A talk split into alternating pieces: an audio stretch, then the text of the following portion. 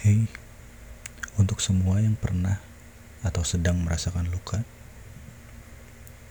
nikmati sesaat kenangan lamanya, walau menyiksa, sedikit menyisakan dada, atau terkadang masih hadirkan air mata. Tak mengenakan memang, ketika yang ia lakukan hanya drama, namun luka yang terasa itu nyata.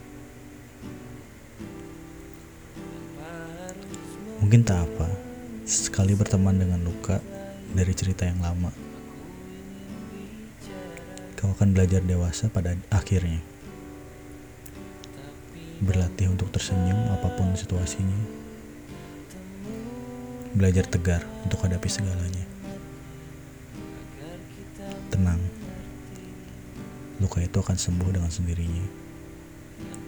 Entah dengan sosok yang akan membahagiakanmu tanpa jeda entah dengan dirimu sendiri yang semakin menjadi dewasa. Tapi ingat, jangan pernah lampiaskan kekecewaanmu pada seseorang yang tak tahu apa pun tentang lukamu. Itu hanya akan menambah pahit cerita yang akan kau jalani.